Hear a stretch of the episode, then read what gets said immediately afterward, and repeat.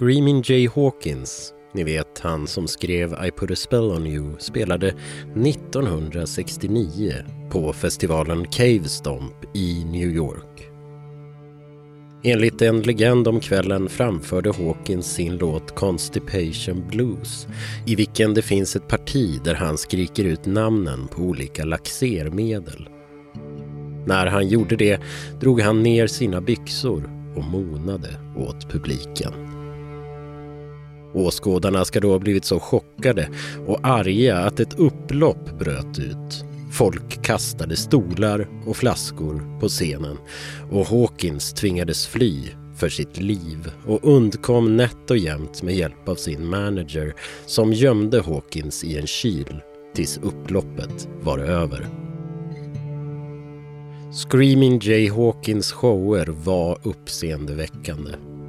Han var ofta klädd i så att säga vodokodade kläder, hade rekvisita i form av dödskallar, ormar och likkistor. Han kastade förbannelser över åskådarna och låtsades utföra exorcismer på människor i publiken. Dessutom handlade texterna om sex, död och okkultism. Han var nu inte direkt metal, men väl en tidig pionjär för det som senare skulle komma att kallas för skräckrock. Vi kan redan så här i inledningen slå fast att alla som gillar metal gillar skräckfilm. Är det då också tvärtom? Det vill säga att alla som gillar skräck gillar hårdrock? Nej, det kanske inte är riktigt så enkelt. Men det finns sannerligen en samverkan mellan dessa två kulturyttringar. Så idag plockar vi in en till mörk kultur i ekvationen, hårdrocken. Jag heter Albin Boman och det här är Podplays fruktansvärda monster.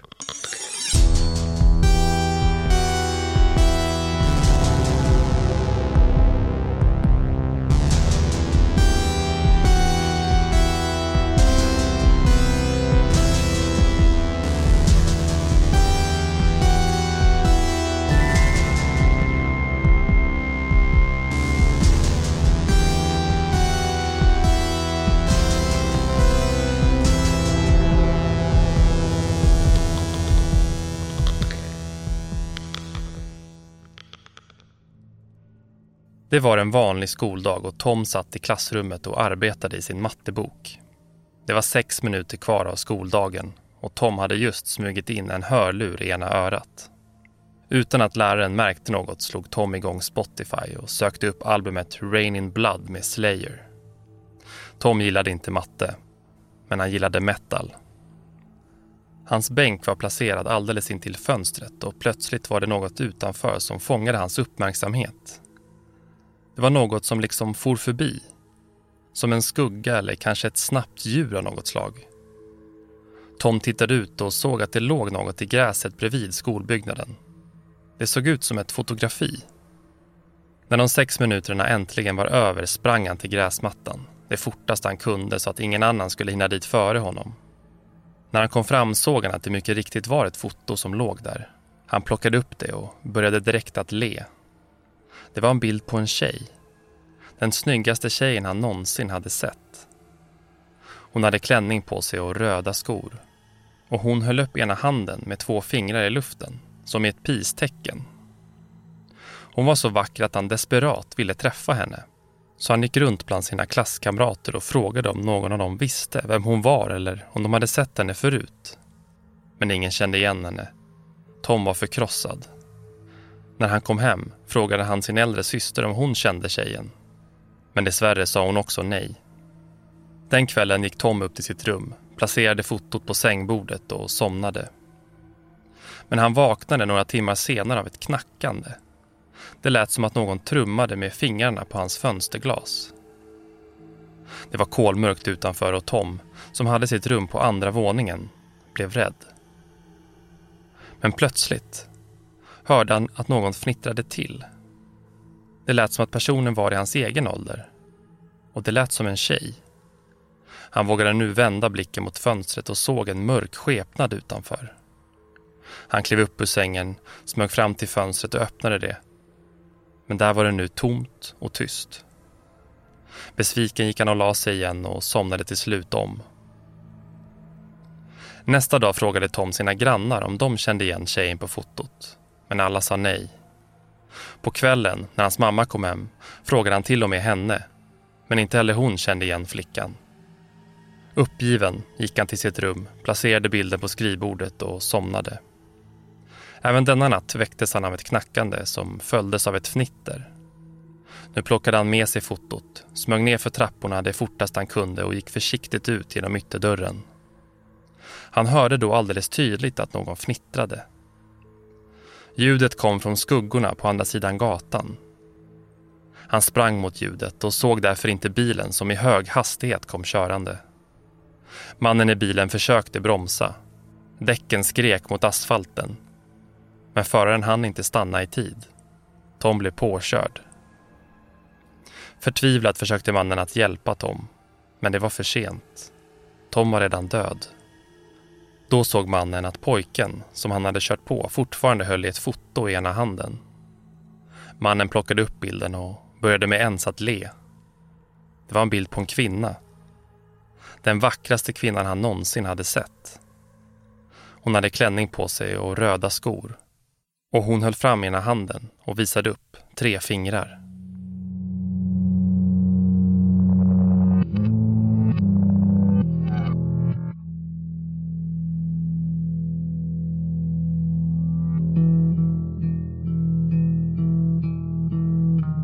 Jag tror också att upproret i att identifiera sig som hårdrockare och lyssna på hårdrock, det liknar väl ganska mycket upproret i att titta på filmer som ens föräldrar inte var speciellt imponerade av.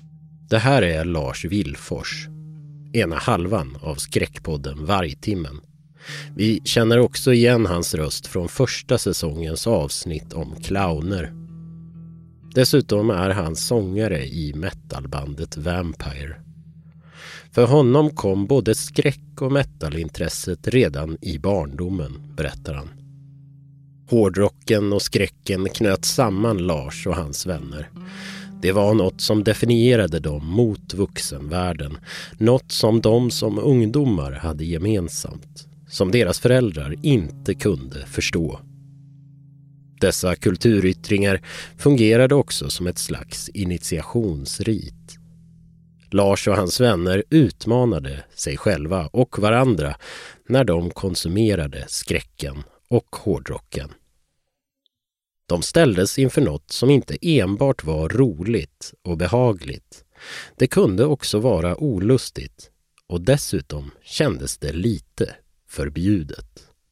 Och att man får en känsla av att växa med den upplevelsen.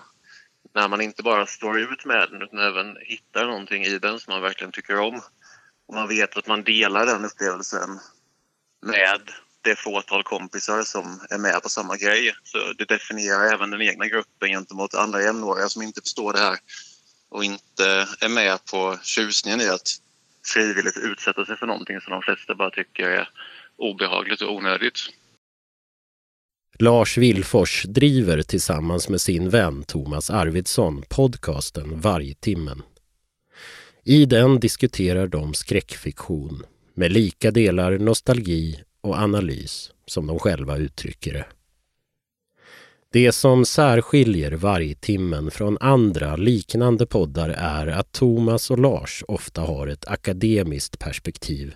Skräcken bryts ner i beståndsdelar och analyserna och samtalen går därför djupare och blir i ärlighetens namn mer intressanta för oss som lyssnar. Thomas och Lars är barndomsvänner och redan när de lärde känna varandra lyssnade de på metal och dristade sig då och då till att se ännu en läskig film tillsammans. Det gemensamma intresset för skräckfilm har funnits kvar in i vuxen ålder. Det var Thomas som kom på idén att de skulle göra något mer av skräckintresset och föreslog att de skulle pröva att göra en podd av det. Och Vargtimmen har bidragit till att deras vänskap har fortsatt att vara nära och framförallt kontinuerlig, säger Lars. Tack vare vargtimmen kommer de liksom inte ifrån varandra. Och sen så märkte vi ju när vi testade att liksom micka upp våra samtal om skräck som vi ju delvis byggde vår vänskap på även som vuxna. Att det gick ganska lätt och att det var ett ganska självklart forum för oss att eh, på något vis göra någonting av vår vänskap som vuxna. Jag menar, vuxna män måste ju göra någonting tillsammans för att inte tröttna på sin egen relation.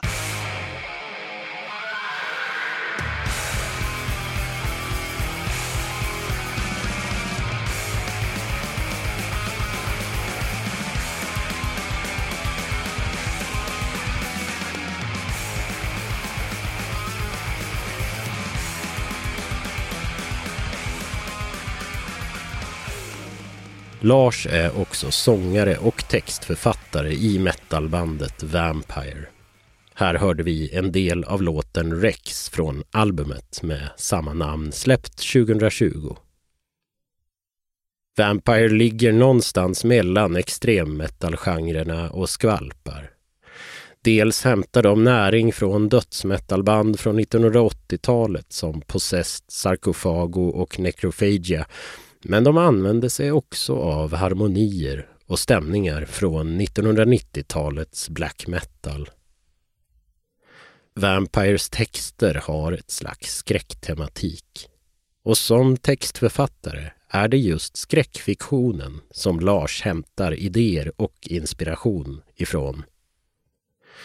Redan vid inspelningen av bandets första demo föll det sig naturligt för honom att söka sig dit för Skräcken var ett ramverk som han kände sig bekväm med. Och sen växte det därifrån och vi fortsatte ju på ungefär samma sätt på de skivor som vi sen gjorde. Vi, vi skrev metal som tog det bästa från lite olika håll. Kanske inte låter så här jättemycket skräck egentligen för det mesta men sen så blir det här kringverket liksom. Mina texter och ehm, det uttrycket. Det, det blir ju någonting lite kusligt och, och uh, ruggigt som, som ger även musiken då den klangen. Ett poddtips från Podplay. I fallen jag aldrig glömmer djupdyker Hasse Aro i arbetet bakom några av Sveriges mest uppseendeväckande brottsutredningar går vi in med hemlig telefonavlyssning och, och då upplever vi att vi får en total förändring av hans beteende. Vad är det som händer nu? Vem är det som läcker? Och så säger han att jag är kriminell, jag har varit kriminell i hela mitt liv men att mörda ett barn, där går min gräns. Nya säsongen av Fallen jag aldrig glömmer på Podplay. Skräckpoddaren och metalsångaren Lars Willfors säger att han tror att anledningen till att så många hårdrockare också gillar skräck är för att de helt enkelt behöver starka uttryck för att de ska bli engagerade och faktiskt känna något av kulturen som de konsumerar. För metal är ju en genre som jobbar med väldigt starka och väldigt tydliga uttryck. Det går liksom sällan att missförstå vad banden försöker få en att känna. Och samma sak är det med skräckgenren, att det är en väldigt tydlig och mallad och, maximalistisk genre. Alltså både litteratur och film, man vet ju precis vad man kan förvänta sig. Det är väldigt sällan man blir överraskad. Och jag tror att människor som tycker mycket om hårdrock och människor som tycker mycket om skräck, ja men de har det gemensamt. Och de är ofta samma personer. Jag menar alla som gillar metal, det här, det här vågar jag nästan generalisera till 100 Alla som gillar metal gillar skräck. Eh, alla som gillar skräck gillar inte metal. Eller det kanske de gör egentligen, bara det att de inte vet om det än. Typ Sara Bergmark Elfgren. Ja, vi återkommer till Sara Bergmark Elfgren och hennes bok Grim. Men först och främst, att metal och skräck går hand i hand råder det inga tvivel om. Men hur och när började det egentligen? Det band och den skiva och den låt som definierar heavy metal för all överskådlig framtid, den har ju ett eh, tydligt skräckelement. Och det är ju Black Sabbath med låten Black Sabbath på skivan Black Sabbath.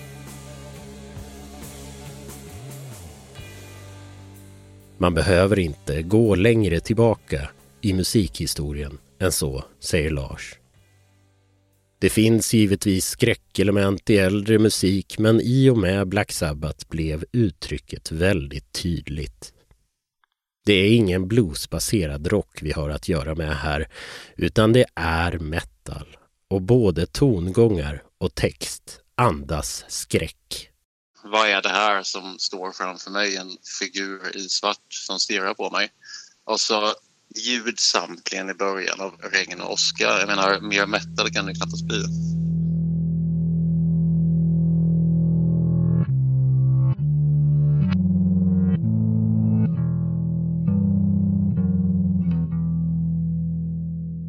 Iron Maiden, Halloween, Metallica, Slayer, Judas Priest och Alice Cooper. Listan kan göras hur lång som helst. Det är många av världens främsta metalband som mer eller mindre uppenbart influerats av skräckfiktionen. Dödsmetallgenren vimlar av skräckinfluenser och såklart finns en hel skräckrockgenre med tidigare nämnda Alice Cooper i fronten och sedermera också Marilyn Manson och liknande artister. Rob Zombie är ju inte bara metalmusiker utan också filmskapare. Kanske mest känd för att ha regisserat den framgångsrika men sågade remaken av skräckklassikern Halloween. Och även om bandet Misfits faller under punkkategorin så tycker Lars att de bör nämnas i detta sammanhang. Det handlade om att göra populärkultur och klippa och klistra med inspiration från framförallt 50-tals skräckfilm och, och, med en väldigt enhetlig och smakfull estetik. Både i hur bandet såg ut på scen och hur deras skivomslag såg ut och så vidare. Och i och med att Metallica började synas i Misfits merch sådär runt Ride the Lightning-turnén så blev ju också Misfits ganska household och det är inte svårt idag att hitta metal som på ett tydligt sätt tar intryck från den estetiken som Misfits företrädde. Till exempel det här monokroma med kanske någon lila ton eller någon röd ton och så vidare som syns på massa black metal-omslag. Ja, men det, det är egentligen en Misfits-estetik från början. Metal och skräck hade en gemensam storhetstid under 1980-talet. Hårdrocksbanden skrämde livet ur föräldragenerationen som samtidigt förfasades över videovåldets verkningar på ungdomen. Det var två kulturyttringar som parallellt provocerade vuxenvärlden och sådan populärkultur har ju traditionellt fungerat bra bland ungdomar. Det skapades som en synergieffekt mellan metal och skräck där de båda lyfte fram varandra. Det tydligaste exemplet är kanske Alice Coopers singel He's Back, The Man Behind the Mask som var filmmusik till den sjätte, fredagen den trettonde filmen Jason Lives som hade premiär 1986. Singeln blev en hit tack vare filmen och filmen fick uppmärksamhet tack vare Alice Cooper. Men hur kom det sig att detta skedde just då? Det var en tid när allt fler eh, såg sig om efter allt starkare kickar. Så, så tror jag man kan generalisera. Och att eh, det fanns en stor tonårspublik som blev allt mer köpstark och, och, kanske lite, lite dummare också än vad tonåringar på 70-talet hade varit. Så att eh, det, det, fanns ett större sug efter den typen av tydlighet och liksom mallade kulturupplevelser som både hårdrock och skräckfilm då eventuellt innebär.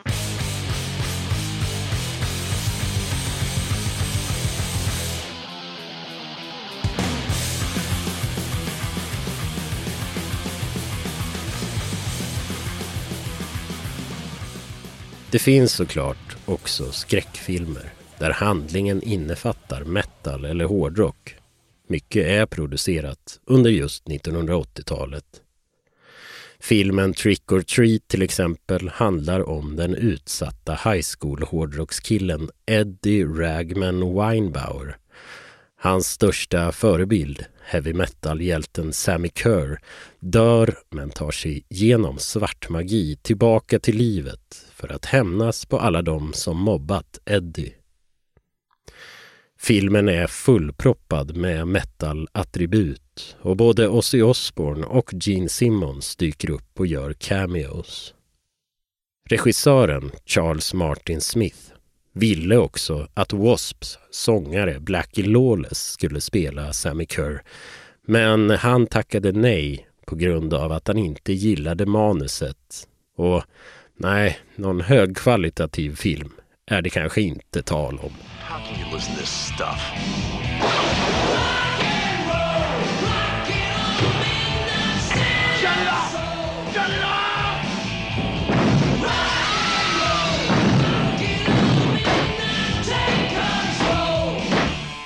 Done to your stereo?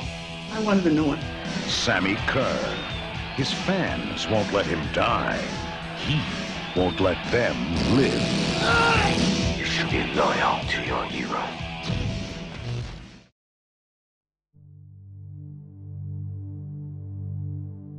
Skräckförfattaren Sara Bergmark Elvgrens bok Grim från 2021 handlar om den 18-åriga Kasper vars pappa på 1980-talet spelade i det legendariska bandet Dark Cruelty. Kasper är döpt efter bandets sångare, som också har artistnamnet Grim. Och han dog under oklara förhållanden, endast 19 år gammal, precis efter att Dark Cruelty släppt sin första EP, Ancient Bloodlust. Boken berättas över två tidsepoker i nutiden är Kasper huvudperson. Han har nyligen kommit ur en depression och börjar sommarjobba på Gröna Lunds skräckkabinett, här döpt till House of Demons. Och där träffar han en tjej med Dark Cruelty-loggan tatuerad på armen. Hon heter Iris, är enhetsansvarig i House of Demons och de två blir vänner. Kasper börjar uppleva att Grim blir allt mer närvarande. Övernaturliga saker börjar inträffa och dröm och verklighet flyter samman.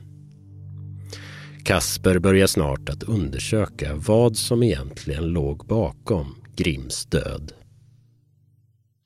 80-talsskildringen handlar om pappa Håkans ungdomstid där han är en del av den nyfödda svenska death metal-scenen. Vi hör författaren Sara Bergmark Elvgren. Under väldigt många år så har jag tänkt att det vore kul att skriva någonting som utspelar sig bland de som jobbar på Gröna Lund. Egentligen sen eh, en av mina bästa vänner jobbade på Gröna Lund när vi var i tidiga 20-årsåldern. Och sen så har jag också väldigt länge tänkt att det vore spännande att skriva någonting som utspelar sig i svensk hårdrocksmiljö.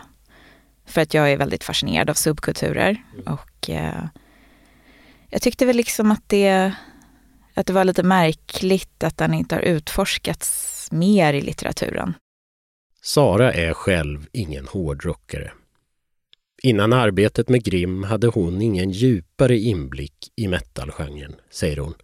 Men när hon läste reportageboken Blod, eld, död av Ika Johannesson och Jon Jefferson Klingberg som handlar om den svenska metalhistorien väcktes hennes intresse. Hon blev bland annat fascinerad av att den tidiga extremmetalgenrens medlemmar var så unga. Det var ett gäng tonåringar ofta med arbetarklass eller lägre medelklassbakgrund i Stockholms förorter, som själva skapade en helt ny genre och med det en helt ny värld. När dödsmetallen slog igenom i början av 90-talet, då var jag i mellanstadieåldern och jag trodde att de var 40, det vill säga urgamla. Så det, så det var väl just det här att nej, men de var inte så mycket äldre än vad, vad jag var. Alltså då var det en enorm skillnad förstås, men eh, det var nog framförallt det. Men också det här, det är klart att det är fascinerande när människor som kommer från en miljö där man inte får så himla mycket serverat utan att man verkligen skapar sin egen värld och, eh, och det var en sån passion och en sån eh, do it yourself-anda. Det var ju väldigt punkigt, den, den tidiga dödsmetallscenen, i alla fall i Stockholm. Och det tyckte jag var, just att skriva om den typen av miljö och liksom den här kreativiteten och eh, gemenskapen och eh, det här dynamiska, just att ett gäng som är på rätt plats vid rätt tid. Så där, tyckte jag var, det, var, det kändes spännande att skriva om. Extremmetalgenren förknippas ofta med kyrkbränder, mord och annat sensationellt som omgärdade framförallt den norska black metal-scenen under det tidiga 1990-talet. Men i Grim är det inte den skräcken vi läsare får ta del av. Nej, det var väl också en sån eh, eh känsla som jag hade just att jag ville komma bort lite från de här, det här eh, sensationella eh, kring de här scenerna och just, jag tycker det är intressant att skriva om tid där allt står och väger. Fröna till det som kommer sen eh, finns redan där, men just då var det liksom i någon slags balans. Och sen så ska jag understryka då att jag skriver inte om verkliga band, utan det jag gjort är ju att när studera scenen och sen bryta ner allt och bygga upp allt. För det var ju en sån här sak som jag snabbt konfronterades med när jag kom på det här att jag skulle vilja skriva något som är inspirerad av den tidiga svenska dödsmetallscenen. Att jag, ja men herregud, de var ju bara 70 personer som höll på med det här.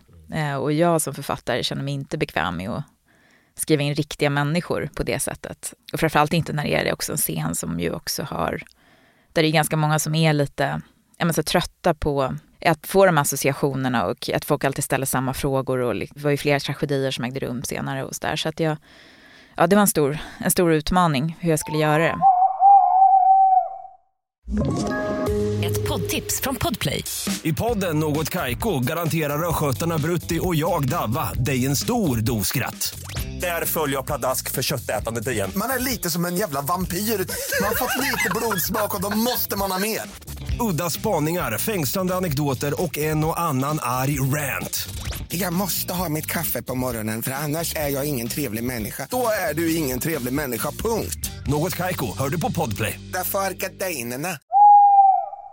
Sara Bergmark Elfgren säger att arbetet med Grim började med Kasper. Hon hade tidigt namnet klart för sig och visste att han hade gått igenom en svår period i livet. Dessutom fick hon nu äntligen anledning att använda sig av Gröna Lund. Och sen så blev det ganska snabbt så tydligt att jag måste skriva att han jobbar i spökhuset. Mm. och så hade jag idén, men hans pappa kanske är hårdrockare, ska jag få in det? Men sen så insåg jag att oj, det var ju jättemycket mer här jag ville använda från den världen. Och så, och så växte den här historien med Grim fram och, eh, och så från början så hade jag nästan ett motstånd mot att skriva 80-talslinjen, för jag var så orolig för kommer jag kunna skildra det på ett bra sätt? För jag är inte hårdrockare själv. Jag har aldrig skrivit, spelat i band. Eh, jag var definitivt inte en tonårskille på 80-talet. Alltså det är mång, många saker där. Det är en liten subkultur, den är väldigt mansdominerad, det finns många gatekeepers. Men sen så insåg jag att nej, men jag måste ge mig in i det här. Om jag ska berätta den här historien så måste jag skriva om den scenen och att det också var väldigt spännande och roligt och att, att man får ju bara en chans med en historia. Och att jag kände lite så här, men det är väl ingen annan kanske som kommer skriva om det här. Så jag, jag, nu, nu står jag ju här med den här berättelsen och det är klart att jag måste berätta om Håkan också och att jag ville göra det. Men jag hade ett motstånd just för att, att jag, jag, var, jag var lite rädd helt enkelt. Också, också rädd för att såra väldigt mycket. Det är framförallt det som jag har brottats mest med, att jag har varit rädd för att klampa in och att någon ska känna sig utnyttjad eller utpekad eller sådär.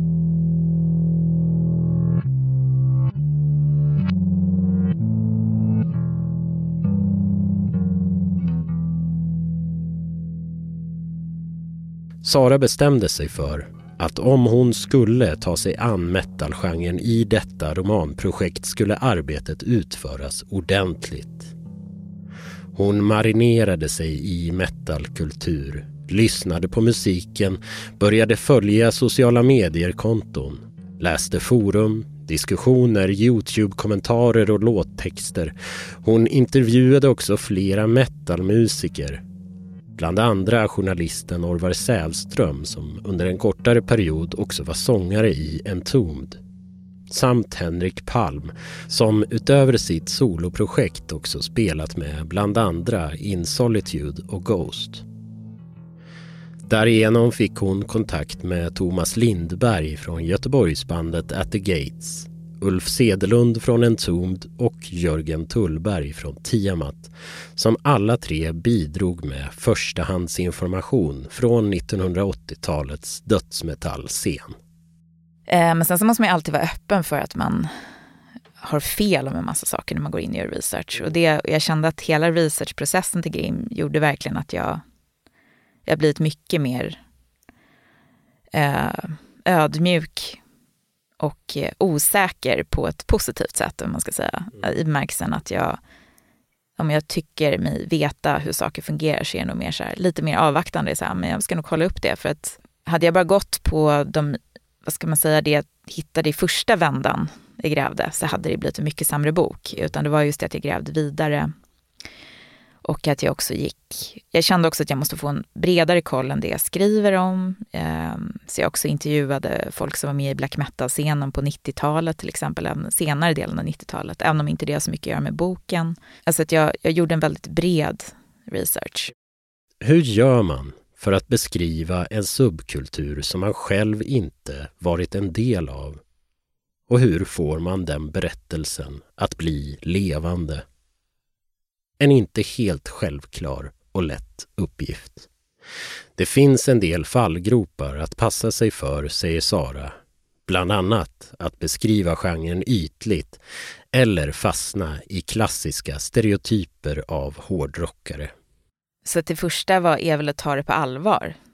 Och det tyckte inte jag var något svårt för att jag själv har en sån relation till konst, antar jag. Att den är ganska, mitt sätt att närma mig det, både som konsument och utövare, är väl liksom väldigt känsloorienterad. Att det, det är på något sätt, grundar sig i någon slags romantisk konstuppfattning, mycket mm. av metal. Mm. Hur då menar du? Jo, men att, eh, att det är ju starka känslor i fokus och det finns ju också inom vissa delar av extrem metal idéer om att man på något sätt ska nå andra nivåer Eh, och medvetenhet. Det sublima, som ju då enligt eh, romantikerna, eh, enligt då Edward Burke, som ju myntade begreppet, man kunde närma sig det sublima genom skönhet, det vackra, eller genom terror och det fruktansvärda. Och det här fokuset på med känslan i fokus och på något sätt liminala tillstånd på något sätt. Och jag tänker det passionerade sättet att närma sig eh, konsten man utövar. Eh, jag kände igen mig väldigt, väldigt mycket från när jag också var tonåring och drömde om att skriva och jag höll på mycket med teater. Något av det svåraste var att få till rätt känsla, säger Sara. Hennes ambition var att de som faktiskt var med under 1980-talet åtminstone skulle uppleva boken som korrekt och inte hitta uppenbara fel i den. Och genom att låta flera nyanser existera samtidigt i berättandet, det vill säga det mörka, vackra, äckliga, allvarliga och humoristiska, fick texten liv, säger hon. Eh, när de till exempel ska ha en fotografering med bandet i ett gammalt ödehus. Mm. Att ge den här känslan av att det är spännande, det är lite kusligt. Samtidigt så uppstår det ju mycket ofrivillig humor och det blir också ganska mörkt eh, på grund av vissa saker som händer. Men det också, finns också något vackert i det, någonting häftigt. Eh, alltså att det kan få vara allt det där samtidigt. Att det, det, det vackra och det äckliga och det allvarliga och humoristiska. Att allting kan få existera sida vid sida. Det är ofta så, tycker jag, på något sätt som man skapar liv. Man får, man får väva ihop de där trådarna. Det är då det känns levande och på riktigt. Och det är då man tar det på allvar. För det går inte att skriva om det utan att ha med den ofrivilliga humor. Men det är inte skratta åt, utan det är mer som en... Man själv kan känna igen sig också i det här. Jag var ung och jag ville så mycket. Jag, jag skulle ha corpse paint, jag hade bara vattenfärg hemma, så då tog jag det. Det var en sån här grej som Jörgen berättade för mig. Jag frågade, vad använder ni till corpse paint? Vattenfärg, sa han. Jag bara, det hade jag aldrig vågat skriva själv, för att jag hade nog inte kommit på det, Nej. för det första. Och för det andra hade jag kanske känt att jag dumförklarade dem på något sätt. Men i och med att han berättade det så kunde jag också göra det på ett sätt så det kändes uppriktigt. Lite roligt, men uppriktigt. Mm. När boken var färdigskriven bad hon tidigare nämnda musikerna Thomas Lindberg, Ulf Sedelund och Jörgen Tullberg att läsa igenom allt innan den skulle skickas till tryck. Nej, det var ju skitläskigt. Det var ju jäkligt läskigt alltså. För att eh, framförallt Jörgen då hade ju läst bitar. Jag hade skickat över någon liten sån här, ja, beskrivning av något. Hur, hur det känns att stå på scen på någon sån här fritidsgårdsspelning eller ja, bara så här, små snuttar, typ, är det här en korrekt beskrivning och så där. Men det var ju jättemycket som de inte hade läst, bara när de är i replokalen och snackar och alla de här relationerna och Nej men så att när jag fick den feedbacken som jag fick av dem så var det ju, jag kommer nog aldrig glömma hur det kändes. Vad fick du för feedback? Då?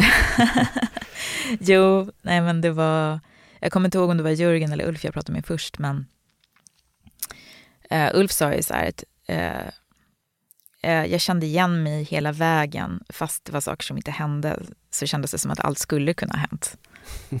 Och det var ju ganska mindblowing.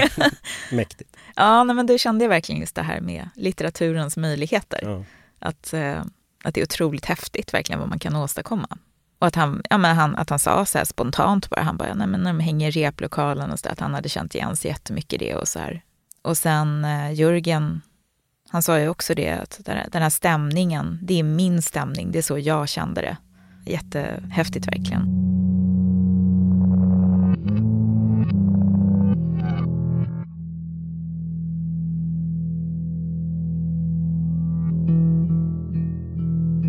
Grim har tagits emot väl av metalvärlden. Många både yngre och äldre musiker har hyllat boken. Sara lyckades med det som få åstadkommer. Hon beskrev en subkultur på ett trovärdigt sätt. Och hårdrocken är fortfarande en del av Saras liv. Ja, nej, alltså jag lyssnar ju på det. Mm. Det, finns ju, det finns ju med i min vad ska man säga, palett av musik jag lyssnar på. Men det mm. hade det gjort, gjorde det också innan Grim. Men eh, ja, kan jag absolut tänka mig att gå på spelningar igen. Och, och så har jag ju vänner också som, som är den världen på olika sätt. Så att jag, jag har ju blivit närmare, närmare den världen helt klart än vad jag var innan. Det var inte som att du liksom fick en överdos och blev mätt? Mätt på metal. Mm, exakt. Min nästa bok. ja, Nej, det kan jag inte påstå. Jag, alltså jag, det är inte samma, jag konsumerar inte den musiken med samma frenesi som jag gjorde under eh, min researchperiod. Nej. Eh, men eh, nej, det är väl snarare att jag alltid är nyfiken på nya saker och att jag har väl letat mig vidare och börjat lyssna på andra grejer också. Nej, men det, det kommer alltid finnas med, med mig efter det här, tror jag. Mm. Alltså, definitivt. Även Sara Bergmark Elvgren håller med om att skräck och hårdrock går hand i hand inte minst märkte hon det när hon intervjuade musikerna om varifrån de fick sin inspiration till låttexterna. Den tidiga svenska dödsmetallscenen, så det är de som jag intervjuade sa att mig var ju väldigt mycket att det var ju så här, och det jag läste och hört på andra ställen också, att eh, det var ju så här, man beskrev en cool skräckfilm man hade sett, mm. eller något som skulle kunna ha varit en blodig skräckfilm. Och sen fanns det ju det här intresset för det lite mer okulta och alla läste ju Necronomicon. Om man läser den så hittar man ju typ Eh, ja, otaliga bandnamn och eh, låttitlar och eh, textinslag och så vidare. Och det är väl också lite det här att man eh, kanske jagar lite samma känsla. Återigen det här romantiska, gotiska, att det är ju samma, det är ju samma universum, samma typer av känslor som man försöker frammana hos eh, personen som tar del av konsten och eh, också som utövare kanske gå in i de här tillstånden.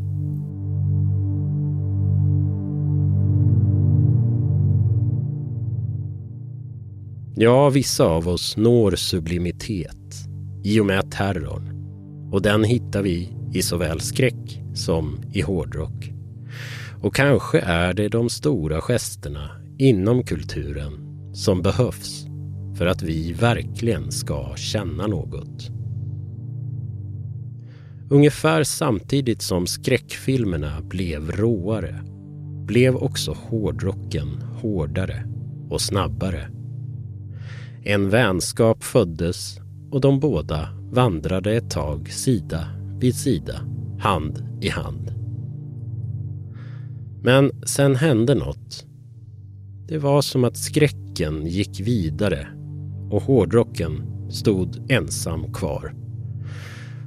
För metalbanden skriver fortfarande låtar om Lovecrafts Necronomicon och demoner och hårdrockarna fortsätter att samla skräck-dvd-er bredvid sina metal-vinyler. Men nu för tiden förekommer det sällan hårdrockslåtar i skräckfilmer. Åtminstone inte i samma utsträckning som på 1980-talet. Förutom i nostalgikavalkader som Stranger Things förstås. Kanske kan Grimm vara det frö som växer till en nyförälskelse och som leder till en ömsesidig och ännu djupare kärlek mellan skräck och metal.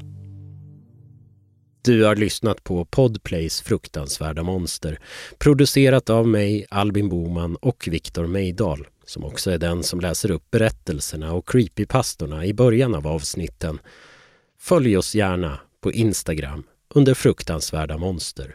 Tack för att du har lyssnat.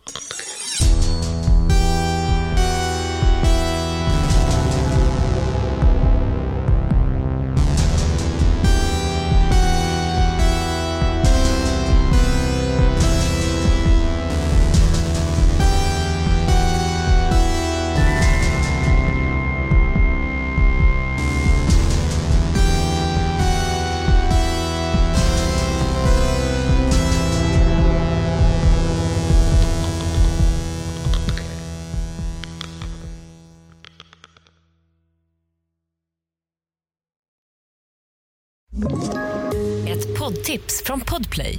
I fallen jag aldrig glömmer djupdyker Hasse Aro i arbetet bakom några av Sveriges mest uppseendeväckande brottsutredningar.